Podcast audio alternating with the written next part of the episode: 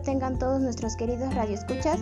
Espero se encuentren muy bien. Es un placer estar de vuelta con todos ustedes en esta nueva temporada. Sabemos que ya nos extrañaban y por eso es que volvimos con más energía y conocimientos. En esta nueva temporada hablaremos sobre el derecho mercantil, en donde habrá más dinámicas, invitados y por supuesto compartiremos muchos más conocimientos con todos ustedes.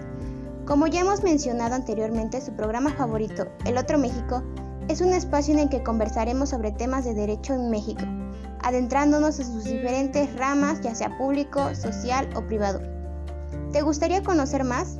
Entonces, quédate con nosotros en un capítulo. Y sin más preámbulos, comencemos. El día de hoy estaremos compartiendo los siguientes temas.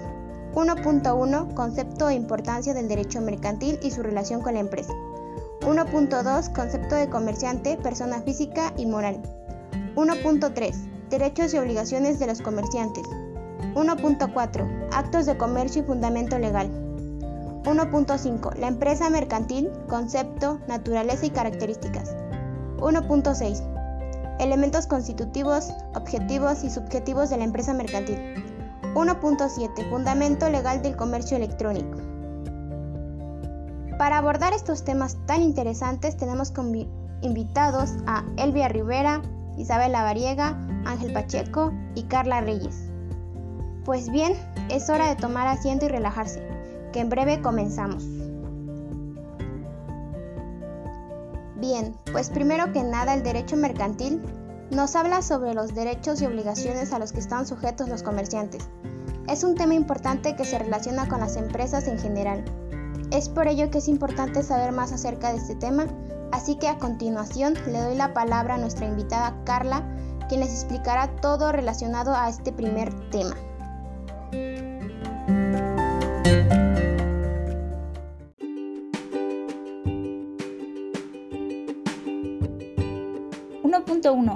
Concepto e importancia del derecho mercantil y su relación con la empresa.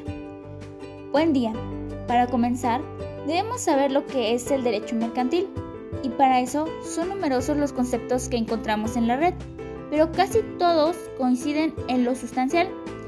Es un conjunto coordinado de estructuras ideales pertenecientes al ordenamiento jurídico general y destinadas a realizarse o actualizarse principalmente en la actividad de la producción o de la intermediación en el cambio de bienes o servicios destinados al mercado general. Bueno, esto quiere decir que el derecho mercantil en sí son todos los actos de comercio, así como las obligaciones y derechos que tienen los comerciantes al hacer dicho ejercicio. Dicho derecho lo llevamos a cabo todos los días, sin darnos cuenta de ello. Por ejemplo, cuando iniciamos el día acudiendo al transporte público para llegar a nuestro hogar o trabajo. Eh, en ello estamos haciendo uso de un servicio por el que llevamos a cabo una transacción. Otro claro ejemplo es nuestra actual condición de estudiantes al pagar la inscripción a cambio de los servicios que brinda la institución, como es la educación. Y bueno, en fin, se puede concluir que el derecho mercantil es una parte fundamental en la sociedad. Todo es que sin él existiría un caos en las relaciones diarias de comercio, evitando con ello el desarrollo normal de la sociedad como tal.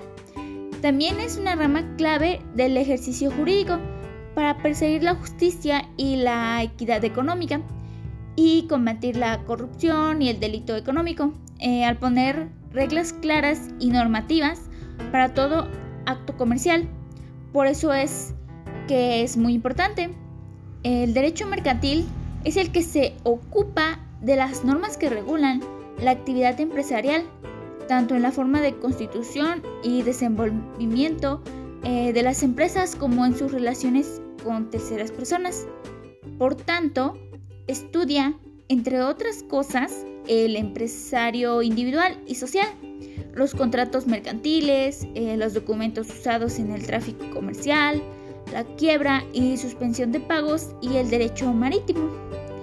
Y bueno, como ya sabemos, este es un acto de comercio, así que su principal relación es con la empresa, eh, ya que se encarga de fijar las condiciones de las normas jurídicas vinculada a los empresarios para que se pueda ejercer este acto de una manera correcta y apropiada para ambas partes. Es decir, la relación de las empresas con eh, otras empresas y terceros, así como también se encarga de regular todo el proceso para la creación de empresas comerciales, sus figuras ante la sociedad y su funcionamiento.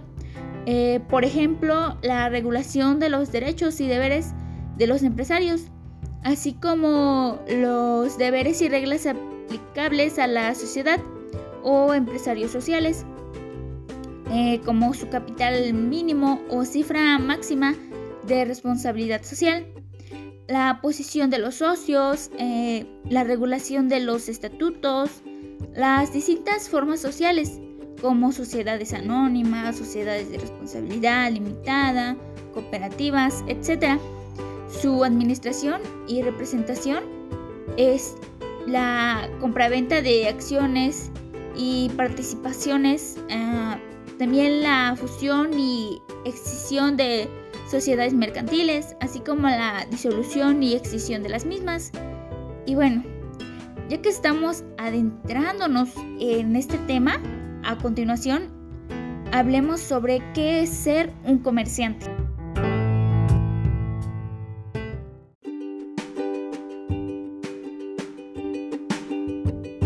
...1.2... Concepto de comerciante, persona física y moral.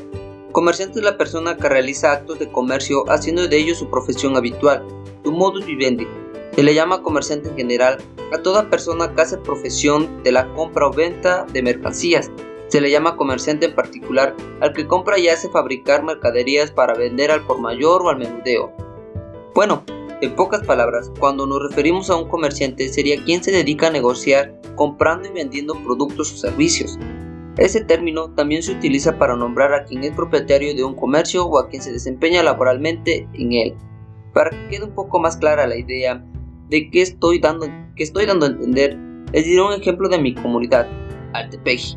En ella hay diferentes tipos de comerciantes, los que hacen canastas, molcajetes o pan, también los que siembran jitomate o elote, quienes salen a vender sus productos a Huiscolotla, Puebla, Orizaba y México, en donde venden por mayoreo, pero también los comerciantes en los mercaderes cercanos a mi comunidad, como lo es Tehuacán o Aljalpan, ahí salen a vender sus productos pero al menudeo. Aquí se realiza un acto de comercio en el que estas personas venden sus productos a vecinos de otras comunidades y a personas que se encargan de venderlo por menudeo. Pero ahora se preguntarán, ¿qué relación tiene con el derecho mercantil? Pues en el derecho mercantil, los comerciantes o sujetos mercantiles son las personas que son objeto de regulación. En otras palabras, un comerciante es una persona a quien son aplicables las leyes mercantiles.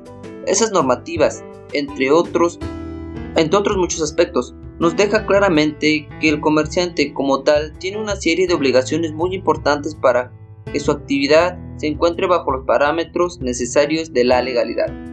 Bueno, sabiendo esto, ahora veremos lo que es una persona moral.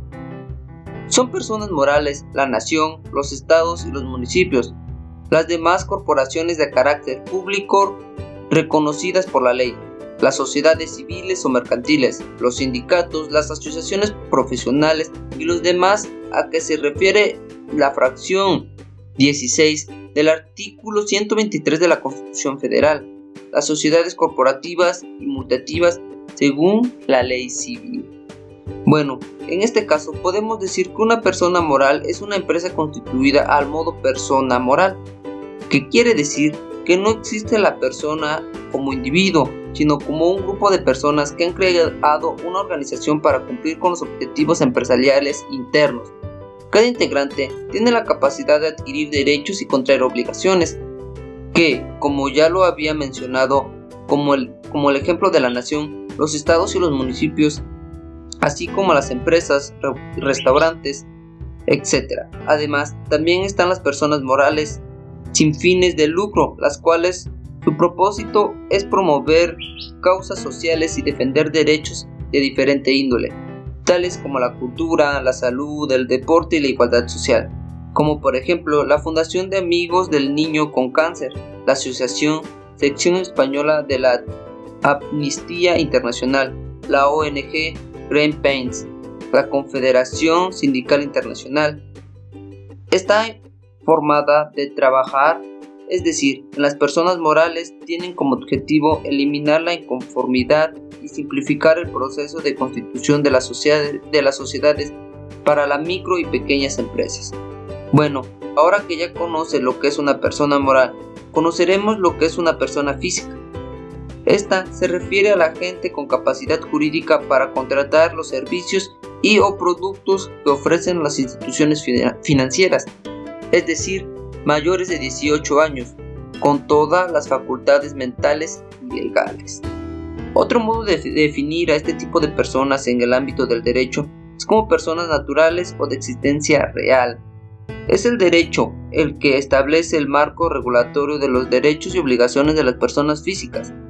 Estas tienen la capacidad de desarrollar actividades comerciales, políticas y sociales dentro de su entorno social, ayudándose de la legislación para la defensa de sus derechos e intereses como individuos. Puede asumir deudas o, como, o préstamos, aunque ya sabemos que esto conlleva intereses, así que es mejor no pensar en este tipo de derecho porque a nadie le conviene. ¿No lo creen? ¿O ustedes qué opinan? También pueden involucrarse en actividades económicas prestando servicios profesionales, por ejemplo, a cambio de una compensación. Sería, en este caso, un sueldo o un salario. La diferencia que hay entre una persona física y moral es que una persona física la conforma una sola persona, mientras que una persona moral la constituyen al menos dos personas. La persona física puede actuar como empresa personal, mientras que las personas morales pueden tener diferentes formas. Sociedad de responsabilidad limitada, sociedad anónima, sociedad colectiva, entre otras muchas. Ya que hemos definido lo que son los comerciantes, es hora de hablar acerca de cuáles son los derechos y obligaciones de los que estos gozan. Así que sigan escuchando este podcast, El Otro México.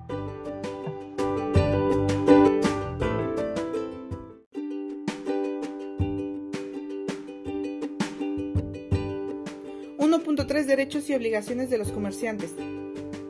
Dentro del derecho comercial, un comerciante está definido como cualquier persona natural o jurídica que realiza actividades que la ley considera mercantiles.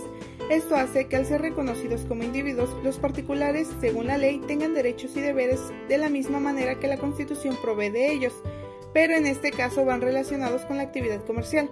Todos los comerciantes, por el hecho de serlo, están obligados a la inscripción en el registro público de comercio, de los documentos cuyo tenor y autenticidad deben hacerse notorios.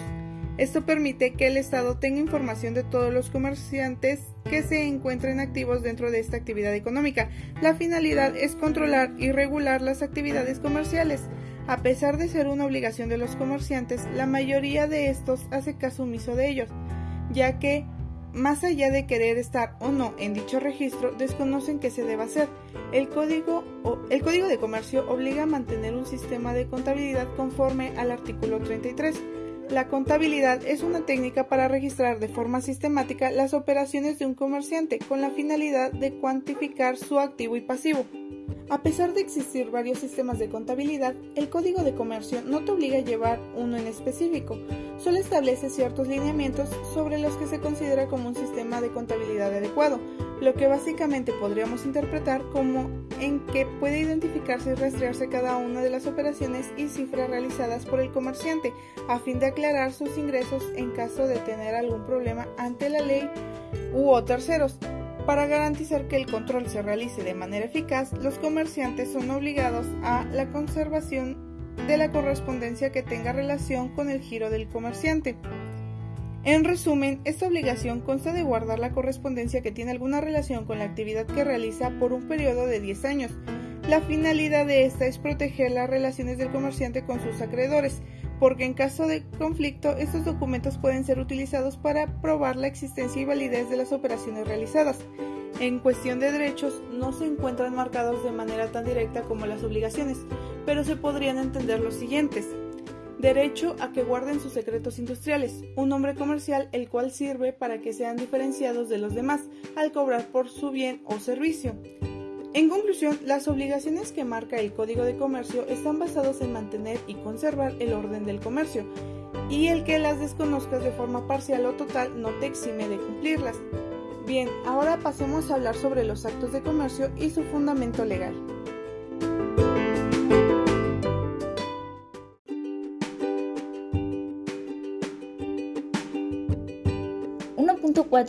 Actos de comercio y fundamento legal. Utilizamos el término actos de comercio para distinguir aquellos actos jurídicos regulados por el derecho mercantil de los actos civiles, que son aquellos regulados por el derecho civil. El acto de comercio lo podemos definir de manera alternativa como el intercambio de bienes y servicios jurídicamente. El intercambio de bienes o servicios se puede llevar a cabo a través de un acto jurídico regulado por el derecho mercantil o por el derecho civil. De ahí el problema que implica utilizar el concepto de comercio como sinónimo de acto de comercio. Ahora bien, aunque no es exacta, partimos de la definición anterior, ya que engloba las vertientes de qué es el acto de comercio, y a pesar de no definirla en sí, nos dice que es lo que deberíamos de considerar para hacerlo. Además recalcar el por qué no debemos usar el concepto de comercio como sinónimo de acto de comercio. Me parece una verdadera barbaridad que el poder legislativo en pleno 2021 no tenga una definición coherente de qué es un acto jurídico y que con todo lo que se les paga aún sigamos teniendo esta clase de lagunas en nuestro sistema de leyes. Pero la culpa radica en nosotros, ya que lo seguimos permitiendo.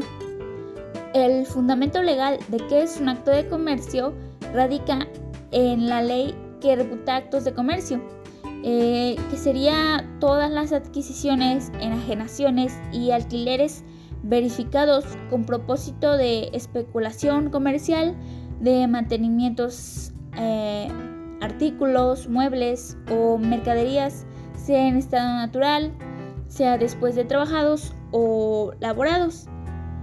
A pesar de ser un artículo bastante amplio, en él podemos encontrar de la misma manera bastantes lagunas o charcos legales, los cuales retrasan el sistema legal de nuestro país ya que no contemplan bastantes cosas las cuales podríamos considerar como actos comerciales.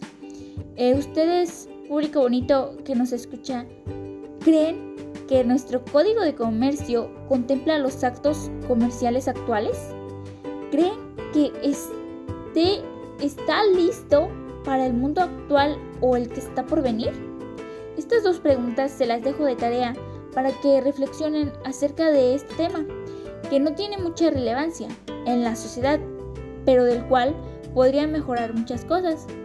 Ahora que hemos hablado a fondo sobre los comerciantes, es hora de hablar acerca de la empresa mercantil. Iniciaremos por definir el concepto y hablar un poco sobre las características, así que pónganse cómodos y sigan disfrutando.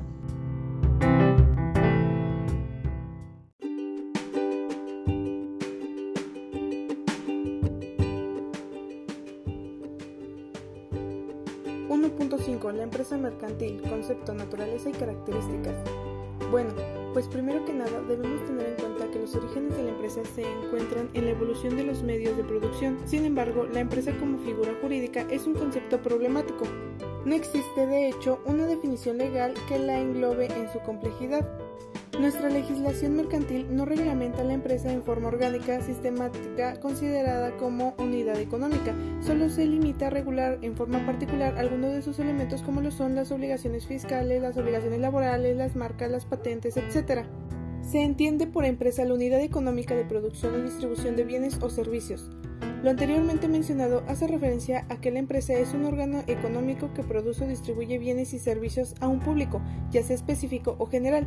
Este es un término sencillo de entender, pues es fácil el relacionarlo con los pequeños o grandes negocios que están por todas partes y que se han vuelto tan comunes que ya ni siquiera nos tomamos el tiempo de reflexionar sobre lo que representan realmente. E incluso el Código de Comercio no tiene una definición clara y sólida para este término, debido a que hay tantas lagunas, lo cual nos impide tener conciencia de cómo las leyes lo catalogan. Hablando un poco acerca de la naturaleza de la empresa mercantil, se ha planteado incluso la posibilidad de definir a la empresa como unidad económica jurídicamente. La empresa o negociación mercantil es una figura de índole económica, cuya naturaleza intrínseca escapa al derecho. Su carácter complejo y proteico, la presencia en ella de elementos dispares, distintos entre sí, personales unos, objetivos o patrimoniales otros hace de la empresa una institución imposible de definir desde el punto de vista jurídico. Considero, basándome en lo que ya hemos dicho, que el término de empresa es un concepto inacabado que se encuentra aún en transición. Su contenido específicamente económico se, se vincula con el ámbito jurídico en sus aspectos laboral y mercantil lo que favorece a la aparición de nuevas formas de desenvolvimiento de una empresa económica industrial. Creo que el término por sí solo se refiere a muchas cosas, pero centrándome en la empresa mercantil específicamente, puedo decir que es un término que se usa en la práctica jurídica internacional y que básicamente podemos entenderlo como un tipo de negocio personal o de un grupo de personas con intereses comunes de cualquier tipo, que llevan a cabo una actividad económica de carácter lícito y con propósitos de lucro. Sin embargo, dicha empresa, sin importar su público o intención, está sujeta a leyes o normas que se encargan de regularla. Ya por último, en este tema debemos mencionar que debido a que hay muchas lagunas en la ley, no existe como tal una definición específica y clara acerca de la empresa mercantil. Sin embargo, podemos deducir que entre sus características encontramos que venden productos y servicios comercializados por la, por la misma, pero con intermediación de terceros y que sus lucros y resultados sirven para retribuir a cada socio lo invertido. Bien, Ahora continuemos con el siguiente tema, el cual es los elementos constitutivos, objetivos y subjetivos de la empresa mercantil.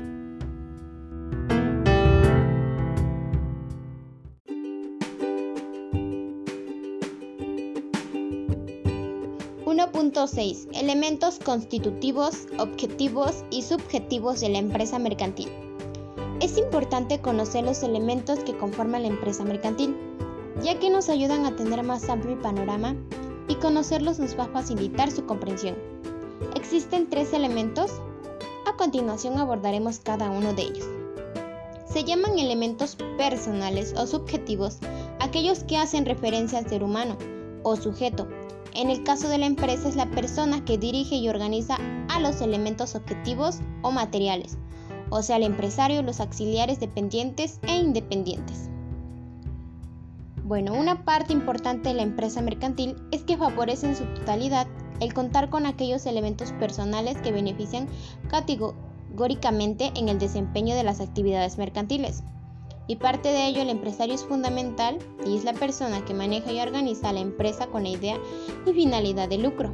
En estas incluyen los auxiliares del comerciante, que son factores dependientes en el cual podemos encontrar aquellos que están subordinados a un comerciante que prestan sus servicios de modo exclusivo, por ejemplo, factores, gerentes, contadores privados, dependientes, viajantes y agentes de venta. Pero también podemos apreciar a los auxiliares de manera independiente, que basan principalmente su actividad a favor de cualquier comerciante que la solicite, como por ejemplo los corredores, intermediarios libres, agentes de comercio, comisionistas y contadores públicos. El contar con cada tipo de persona llevará a conseguir el objetivo de la empresa y obtener muy buenas ganancias. Es por ello que nos queda claro los elementos objetivos de la empresa. Pero por otra parte están los elementos corpóreos, aquellos que constituyen a la empresa. Veamos una pequeña definición de esta. Encontramos aquí los bienes tangibles que el empresario incluye en sus inventarios, si bien no necesariamente son de su propiedad, pues los puede aprovechar también según su naturaleza, en concepto de arrendamiento, puro o financiero, como dato, usufructo, depósito o consignación.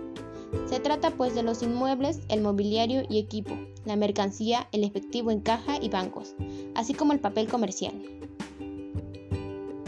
Con la definición anterior podemos tener un poco más claro a qué es lo que se refiere con los bienes corpóreos. Y parte de ello nos lleva a entender qué es con lo que cuenta la empresa, desde aquella parte tangible que coadyuva al logro de los objetivos, porque entre estos elementos no hay una jerarquía de importancia, pues todo es útil para trabajar, desde un lápiz hasta un camión de transporte. La empresa siempre tendrá que contar con un patrimonio y pues claro, pues dentro de este contempla un conjunto de bienes muebles que prácticamente son aquellos susceptibles de apropiación que pueden trasladarse de un lugar a otro, sin afectar su naturaleza. Algo que se debe incluir aquí es que los enseres también pertenecen a la categoría de los muebles y sirven como utensilios e instrumentos necesarios en una casa o para el ejercicio de una profesión.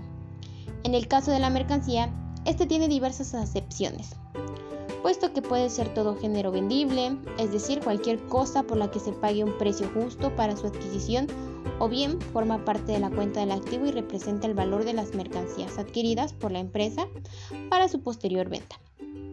Cada uno de los puntos aclarados es importante dentro de la empresa mercantil, pero no hay que olvidar que las materias primas también forman parte de los bienes tangibles, pues son los productos básicos que intervienen por transformación o consumo en los procesos de fabricación. Los llamados derechos incorporales o sobre bienes inmateriales ha planteado apasionantes discusiones de modo especial a propósito de su naturaleza jurídica, extensión y duración. Y no podía ser de otro modo, visto que se trata de bienes tangibles que son producto de la mente humana y por lo tanto, para manifestarse precisan indefectiblemente de medios materiales.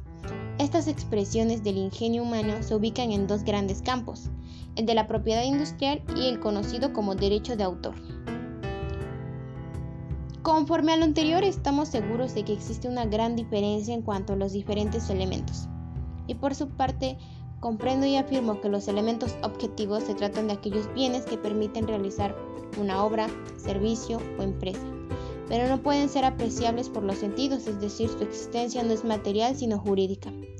Sin embargo, su importancia radica en que pueden otorgar facultades o ser simples ideas abstractas, que se traducen en cifras y le dan relevancia a un lugar, por ejemplo, la clientela, el labio, el derecho de arrendamiento pero como también nos explica notablemente lo mencionado anteriormente, se divide en dos categorías, las de propiedad industrial, que abarca desde marcas, patentes, secretos, industriales, avisos comerciales y denominación de origen. En lo particular, qué bien que exista dos divisiones para que se puedan clasificar de manera correcta. Y la otra con la que cuenta la empresa mercantil son los derechos de autor, como pueden ser literarias, didácticas, audiovisuales, arquitectónicas, entre algunas otras. Por último, pero no menos importante, es hora de hablar acerca del fundamento legal del comercio electrónico, del cual es importante saber más especialmente ahora que muchas de las cosas que acostumbramos a hacer de forma presencial se hacen por vía electrónica.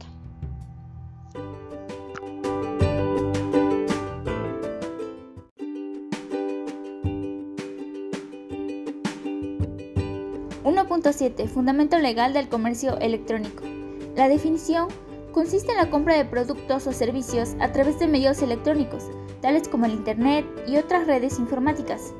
Rigen operaciones comerciales e intercambio de datos e información que se lleva a cabo por medios electrónicos. Actualmente, en México, se ha volcado en una herramienta confiable, atractiva y segura para la realización de transacciones vía electrónica a través de las tecnologías de información.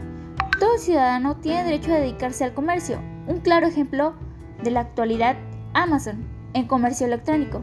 Más típico, ofrece diferentes líneas comerciales, además de libros, ropas y artículos para el hogar. Otro punto más importante, existen leyes que regulan las relaciones jurídicas que nacen de los actos de comercio electrónico. Tenemos a la Ley Federal de Telecomunicaciones, la Ley Federal de Protección al Consumidor, el Código de Comercio, el Código Civil Federal, el Código Fiscal de la Federación, la Ley Federal del Derecho de Autor y la Ley de la Propiedad Industrial. Después de mencionar estas leyes, o bien se les puede llamar ordenamientos jurídicos en México, la Ley Federal de Protección al Consumidor del artículo 20 tiene el objetivo de promover y proteger los derechos y cultura del consumidor y procurar la equidad, certeza y seguridad jurídica en las relaciones entre proveedores y consumidores.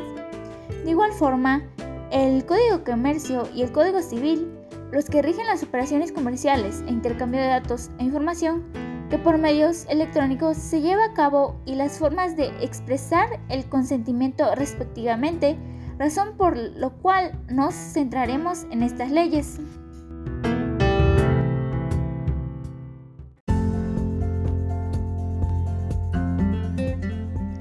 Bien, pues esos han sido todos los temas a tratar por esta ocasión. Como ya podrán haber notado, es información que nos puede servir a todos en diferentes ocasiones, pues el comercio es algo que está muy presente en nuestro día a día. Bien, espero que hasta aquí todo sea lo suficiente claro y funcional para todos ustedes. Esperemos que estén a gusto con nosotros y ahora es momento de pasar a las conclusiones de nuestros invitados del día de hoy. Así que relájense y disfruten.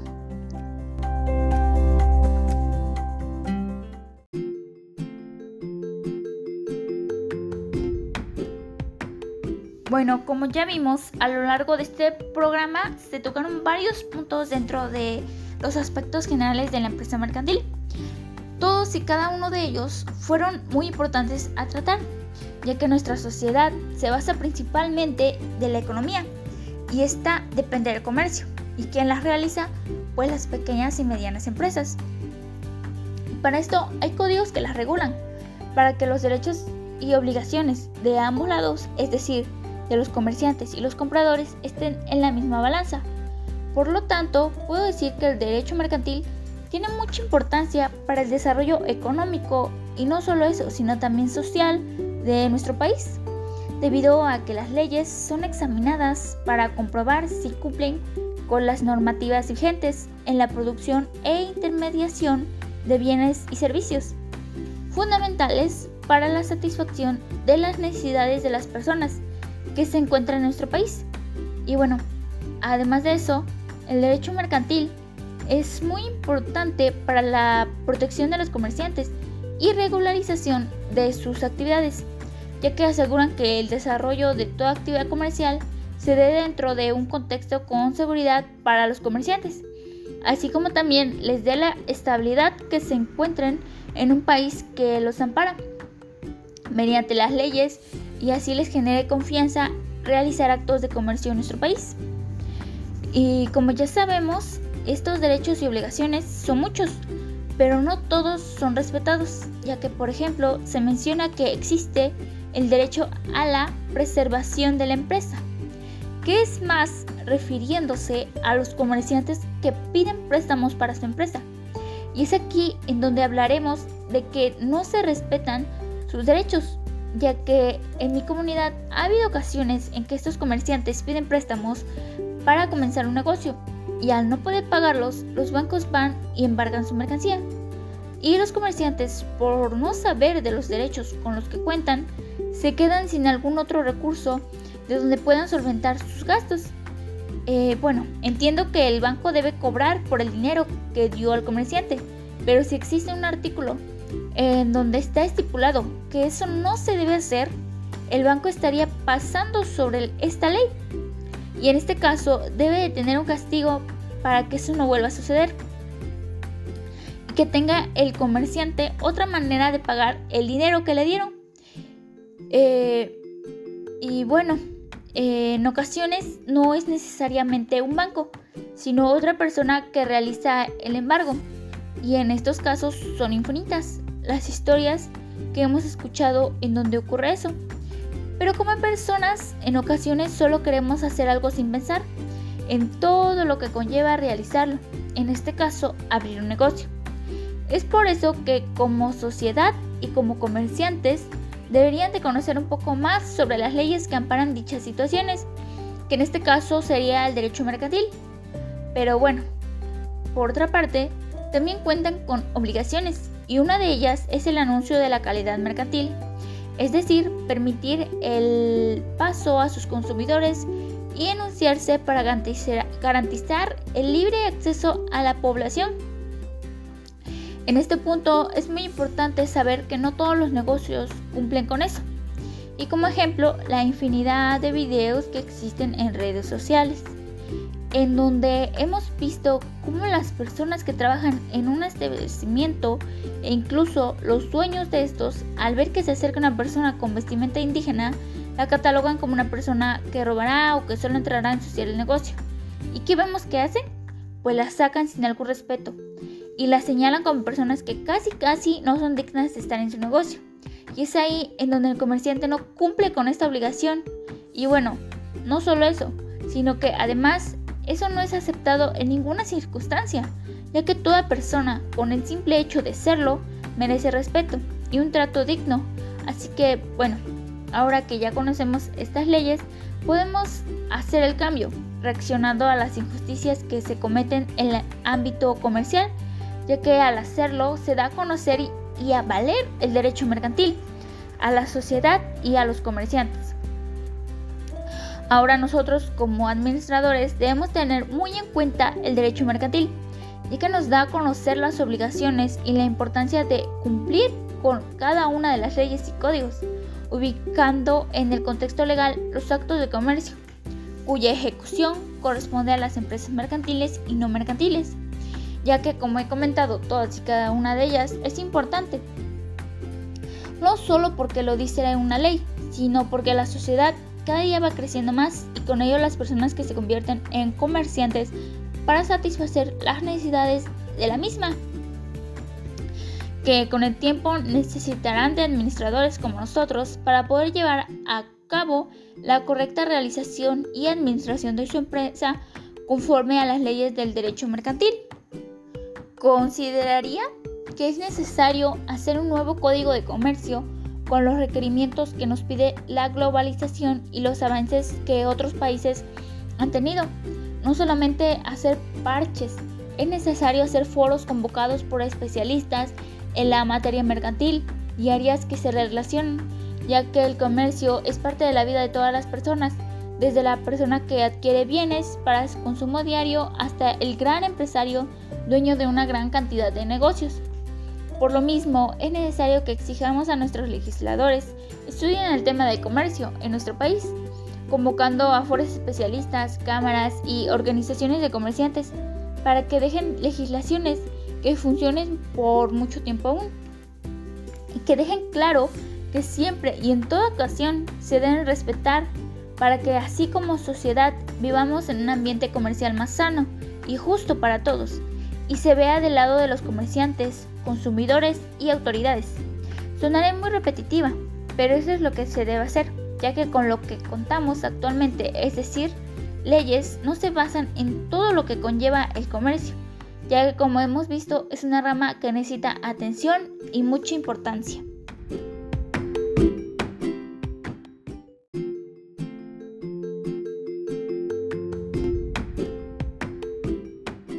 El estar nuevamente de regreso en este podcast nos deja demasiados conocimientos, pero de igual manera al terminar un capítulo, pues de cierta forma reflexionamos acerca de lo que se trató. Y una vez que lo empezamos a hacer, no paramos. Durante el desarrollo de este episodio tocamos el tema de aspectos generales de la empresa mercantil, el cual estuvo bastante interesante, ya que se dividió en subtemas de los cuales no solo pudimos aprender mucho, sino que además nos deja un poco molestos por la cantidad de lagunas o brechas que existen dentro del derecho empresarial, las que dejan al descubierto el nivel en que se encuentra nuestro sistema pues legal, ¿verdad? El concepto de derecho mercantil que vimos a simple vista parece estar completo por la cantidad de tecnicismos que en él podemos encontrar, pero si lo vemos más a fondo, este es muy simple y sencillamente no nos dice nada, ya que lo que está diciendo o lo que quiere decir es que el derecho mercantil en sí son todos los actos de comercio, así como las obligaciones y derechos que tienen los comerciantes al hacer dicho ejercicio. Pero si recordamos un poquito, en México tampoco aún podemos definir lo que es un acto de comercio, ya que este interfiere con lo que es el derecho civil y el derecho civil interfiere con lo que es el derecho mercantil. Háganme el favor, entonces eso quiere decir que no sabemos lo que estamos definiendo y solo estamos cantinfleando con las definiciones bases de lo que es el derecho mercantil. Pero bueno, en el episodio también vimos los derechos y obligaciones de los comerciantes. En esta parte no está tan mal la marcación de esto, pero lo que sí está mal es su cumplimiento, ya que la mayoría de comerciantes ni siquiera sabe cuáles son sus obligaciones que tiene por el hecho de ser un comerciante. El tener derechos y obligaciones ayuda al gobierno a que exista un control en cada rubro en donde son plasmados, el que nosotros cumplamos con estas obligaciones ayuda a que exista dicho control y por ende avancemos en materia en la que estamos cumpliendo. No se me hace justo que la mayoría de los comerciantes no estén cumpliendo con sus obligaciones, ya que eso nos afecta a todos. La mayoría de ellos se justifican diciendo que desconocen sus obligaciones como comerciantes, pero bien lo dice un principio del derecho, la ignorancia de las leyes no te exuma de su cumplimiento. Algo de lo que sí me hubiese gustado es el encontrar los derechos de los comerciantes de una forma más explícita y escrita, ya que estos solo los podemos interpretar, pero estaría mejor que estuvieran escritos y que en ellos se contemplara ciertos privilegios o libertades para que todos aquellos comerciantes que aún no cumplen, pues cumplan con sus obligaciones, ya que esto incentivaría a los demás a cumplir con todas y cada una de sus obligaciones. Por si esto fuera poco, se me hace una verdadera tristeza que de los 128 senadores y 500 diputados que conforman la Cámara de Diputados y Senadores, aún en pleno 2021 no exista una definición digna de lo que es un acto de comercio. Es algo triste y molesto a la vez, ya que somos uno de los países con más representantes en el poder legislativo, pero también uno en lo que su sistema legal tiene muchas deficiencias. Como ya lo mencionamos, no hay una definición como tal, ya que puede haber una acción comercial guiada tanto del derecho mercantil como del civil. Entonces díganme para qué pagamos tantos sueldos en el poder legislativo si no existen demasiadas lagunas en el sistema. Lo mínimo que nos merecemos es tener un sólido sistema legal, y que lo cumplamos explícitamente esa parte, pero que esté es fundamental para ir creciendo como nación. Ah, pero esto no termina ahí, ya que el fundamento legal de los actos de comercio se basa explícitamente y principalmente en el decadente artículo 75 del Código de Comercio. A pesar de ser extenso, en él, también se pueden observar que no está completo, ya que a pesar de tener una lista bastante amplia sobre las acciones que son consideradas como actos de comercio, aún le falta englobar a todas aquellas que se usan actualmente y las próximas que están por suceder. Así que estaría más que bien que los señores flojos e incompetentes que comprenden el poder legislativo le dieran una revisada a este y a las demás leyes que les hicieran falta actualizarse para comprender mejor la época actual. Pero no todos son quejas, ya que podemos rescatar dos o tres cosas que han estado haciendo bien, las cuales las podemos encontrar en los puntos 1.2. En ellas desglosamos el concepto de comerciante, el cual sí queda bastante claro lo que es, ya que nos dice que no solo es una persona, sino también puede ser una sociedad. De ahí la definición que enmarca lo que es una persona física y moral. Sí se me hace algo bastante concreto y preciso en esta cuestión, pues no podemos quejarnos, ya que está muy bien como lo está manejando la ley. De igual manera, aunque aún existen carencias sobre el fundamento legal del comercio electrónico, se me hace bastante algo bastante muy muy chingón que ya estén trabajando sobre las nuevas formas de hacer comercio, el cual apenas está llegando a México pero que sin duda explotará en cualquier momento. En conclusión, estamos en un país con bastantes deficiencias en el sistema legal. Una muestra clara de estas fue el tema que acabamos de abordar, ya que vimos todas las incompetencias del gobierno al momento de generar las leyes que rigen al país, las cuales retrasan el avance de la nación, pero en el que no solo tiene la culpa el gobierno, sino en gran parte nosotros por la forma en que elegimos a nuestros representantes. Además, somos bastante ignorantes por no saber lo que nos compete hacer y eso no nos hace mejores que ellos. Estaría bien que nos dejáramos de quejar y mejor nos pusiéramos a hacer lo que nos compete.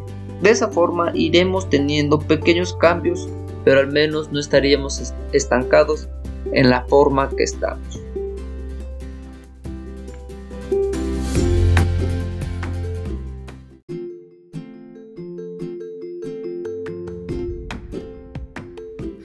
Actualidad, absolutamente todos hemos comprado o vendido algo, pues el comercio es una actividad de gran importancia en una sociedad, pues es lo que levanta y mantiene la economía de los países. Los conocimientos obtenidos a lo largo de estos temas se aplican muy bien al cómo nos relacionamos en general en cuanto al área comercial. En lo personal, creo que siempre hemos subestimado lo que es ser un comerciante, pues es algo tan común que nunca nos tomamos el tiempo de ver el trasfondo de lo que es realmente el comercio. Dentro de los aspectos que puedo corroborar con situaciones que se viven actualmente es todo lo que engloba el derecho mercantil, pues es el que se encarga de regular el comercio en general. También puedo decir que todos hemos podido observar que en ocasiones se necesitan de normas que nos marquen lo que es apropiado para un correcto funcionamiento, pues con esto se intenta que haya un beneficio para todos. Sin embargo, tengamos presentes que esto no siempre se logra y es algo que explicaré a detalle. Una parte que quiero resaltar es que en el caso de los derechos y obligaciones con los que cuentan los comerciantes, estos no siempre son respetados, pues en mi comunidad hay muchos comerciantes que no llevan una correcta contabilidad como lo marca la ley, y no es precisamente porque quieran infringir la ley, sino porque muchas veces son personas que apenas si tienen los conocimientos básicos escolares. Lo que les dificulta es no estar capacitados y no saber lo suficiente sobre contabilidad. Es ahí donde la ley también me parece que es un tanto inconsciente sobre estos aspectos, pues las autoridades saben que mucha de la población cuenta solo con estudios básicos y aún así no se les da apoyo como brindarles una adecuada capacitación. Es inconcebible que exijan que se lleve a cabo una correcta contabilidad a quien no sabe nada de ese tema. Otro aspecto que puedo mencionar relacionado al anterior es lo que se les exige a los comerciantes para garantizar que el control se realice de manera eficaz, es decir, el hecho de que tengan que guardar la correspondencia que tiene alguna relación con la actividad que realizan por un periodo de al menos 10 años, lo cual me parece un tanto exagerado. Quizá es de gran utilidad para los negocios establecidos formalmente y que ya cuentan con un buen capital que lo respalde o que de una u otra manera se sostienen, pero en el caso de los pequeños comerciantes o establecimientos, guardar registro de todo lo relacionado a sus actividades comerciales es casi imposible, pues en lo personal conozco muchos pequeños negocios que no guardan nada de esto, lo cual se debe a que ninguno tiene esa costumbre o esa cultura. La mayoría solo tiene sus negocios para vivir al día, como decimos comúnmente. Y esto también influye el hecho de que las autoridades tampoco es que exijan demasiado en estos aspectos, por lo que puedo decir, basada en mis experiencias, ninguna ley es lo suficientemente respetada ni por comerciantes ni por autoridades, pues es muy fácil llegar a un acuerdo entre ambas partes para que las autoridades encargadas de velar porque las normas se cumplan se hagan de la vista gorda. Por ejemplo, existe el comercio informal o ambulantaje, como lo conocemos la mayoría, que no está debidamente dados de alta como se establece en la ley, para ser más específicos en el Código de Comercio, pues no consideran que sea un aspecto necesario debido a sus bajas ganancias en comparación a otros establecimientos mejor posicionados en el ámbito mercantil. Puedo decir con esto que así como hay leyes que son vitales para el correcto desarrollo y crecimiento de una sociedad, también hay leyes que son completamente innecesarias, y no exactamente porque no sirvan para nada, sino porque a nadie le importa si se cumplen o no. Por ello, como sociedad deberíamos apoyarnos para que esto no sea así, pues si bien todo esto son cosas que afectan directamente a los comerciantes, todas las demás personas también se ven afectadas indirectamente y quizá en un menor grado, pero al final sí influye y esto es porque el, el comercio es una actividad que está presente en todas las partes, pues todos en algún punto somos compradores o vendedores, pues absolutamente nadie podría sobrevivir sin el comercio. Considero que el hecho de que nuestra ley tenga lagunas en ciertos temas es verdaderamente un problema para la sociedad en general, pues no puedes controlar o supervisar de manera adecuada un tema que ni siquiera puedes definir a detalle. Es por ello que considero que esto debería ser corregido cuanto antes, porque como ciudadanos no podemos basarnos en algo que nuestra ley no reconoce, lo que genera conflictos en dicha área. Hablando acerca del comercio, creo que es una actividad indispensable para el crecimiento de una sociedad. Por algo surgió desde épocas remotas, sin embargo creo que no está debidamente regida, pues como en todo, a pesar de que hay normas que se supone existen precisamente para controlar dicha actividad, las personas tienden a actuar bajo el agua como coloquialmente decimos, y lo hacen para no estar atenidos a lo que la ley marca, pues a veces no les conviene tanto. Hablando un poco acerca del comercio electrónico, diré que a pesar de que es un gran avance y una muy buena herramienta principalmente en la actualidad con todo lo que estamos viviendo debido a la pandemia, pues el poder comprar en línea redujo las posibilidades de contagiarnos al ya no estar expuestos en los centros comerciales, aunque es cierto que también tiene sus fallas, pues nunca faltan ciertos detalles que nos hacen dudar de la confiabilidad de las compras en línea, como por ejemplo tengo la experiencia de que no siempre te mandan exactamente lo que pides. A veces varían ciertos aspectos como el color, el tamaño, etc. O no tienen el debido cuidado con tus compras al que tú les tendrías si fueras directamente a una tienda a comprarlos.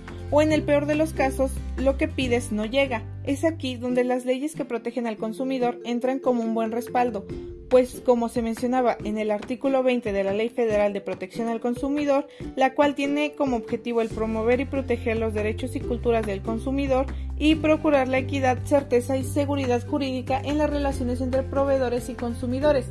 También el Código de Comercio y el Código Civil rigen las operaciones comerciales e intercambio de datos e información que que por medios electrónicos se lleven a cabo, así como las formas de expresar el consentimiento respectivamente.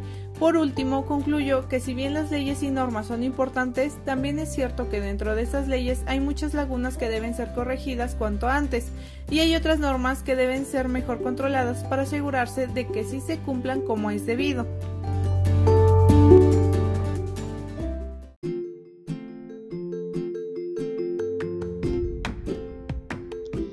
Derecho impacta en el mundo empresarial, regulando y protegiendo los derechos y obligaciones de los sujetos que intervienen en las relaciones, tanto comerciales como laborales, que se suscitan en la vida empresarial. Y ahora puedo comprender el gran impacto que tiene cada una de las partes estudiadas y su gran importancia dentro de una empresa para la mejor toma de decisiones y el logro de objetivos de la empresa mercantil con fin de lucro.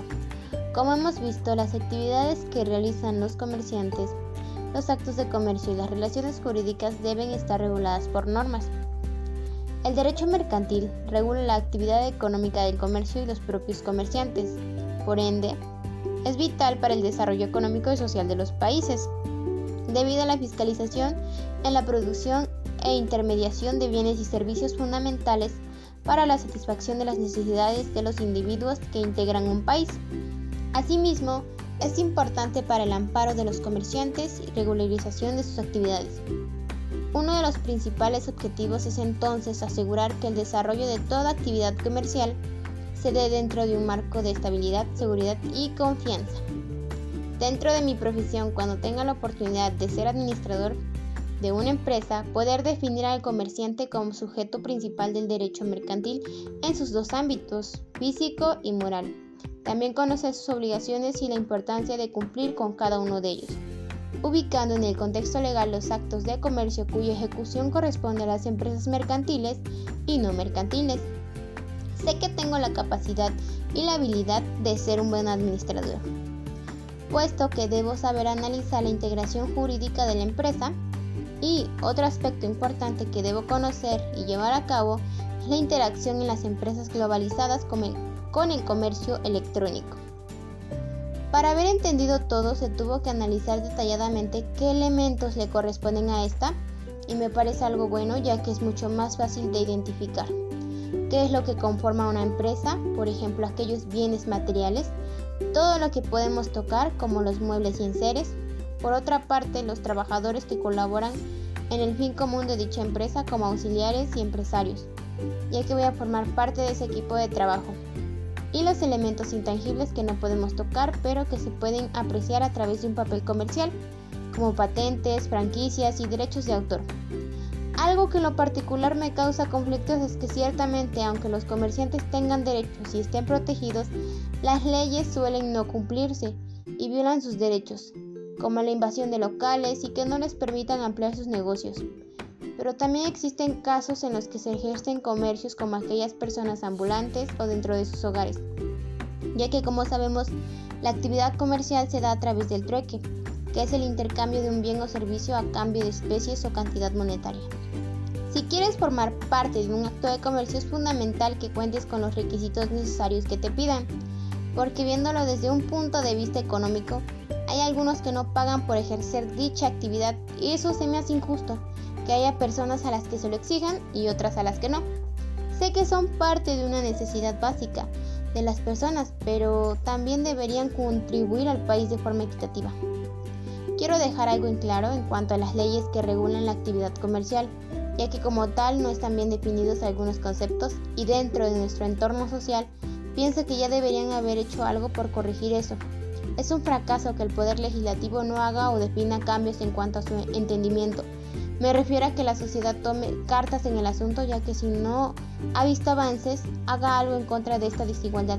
Quizás algunas personas no tomen valor a esto que se planteó o simplemente por desconocimiento, pero ahora que me voy adentrando más a la rama del derecho, me voy dando cuenta de que el mundo no es como lo pintan, que no todo es color de rosa. Sé que soy una persona con talento propio, con responsabilidades pequeñas, pero que dentro de poco seré capaz de tomar una decisión que da un aporte a la sociedad. Y por ello debo ser objetiva en cuanto a lo que realizo, lo que sé y lo que pienso. Porque por más mínima que sea mi aportación, de alguna manera mi entorno lo enfrenta. Tengo cierta noción de que no será nada fácil, pero debo contar con inteligencia emocional y ser dinámica. Hago énfasis en que si por alguna razón mis estudios son interrumpidos, por lo menos cuento con una carrera técnica y el desarrollar una idea de negocio me abrirá un mundo lleno de posibilidades a emprender. No obstante, no quiero decirte que me quede estancada, solo que el poder haber analizado cada uno de los temas me trae beneficios a futuro, ya que mi principal objetivo dentro del ámbito empresarial es saber aplicar los derechos que avalan y protegen a los comerciantes y poder dirigir de forma adecuada a un grupo de colaboradores cuando sea dueña de una empresa de gran nivel como Coca-Cola o Peñafiel y yo colabore como trabajador dentro de ella. Por eso es de vital utilidad conocer el marco que regula las relaciones dentro de una empresa o corporación, ya que da la posibilidad de dar solución a los problemas legales de una empresa y en su caso prevenir a la misma y a las personas que se relacionen en ella de futuros conflictos. Para finalizar con mi intervención, solo me gustaría decirles que no cuento con experiencia para abarcar un tema del cual se despliegan muchas contrariedades, pero sé que con la guía de diferentes leyes, autores y de la experiencia de un profesional en materia de derecho, trato de comprender cómo funciona cada sistema legislativo que regulan las normas de este país.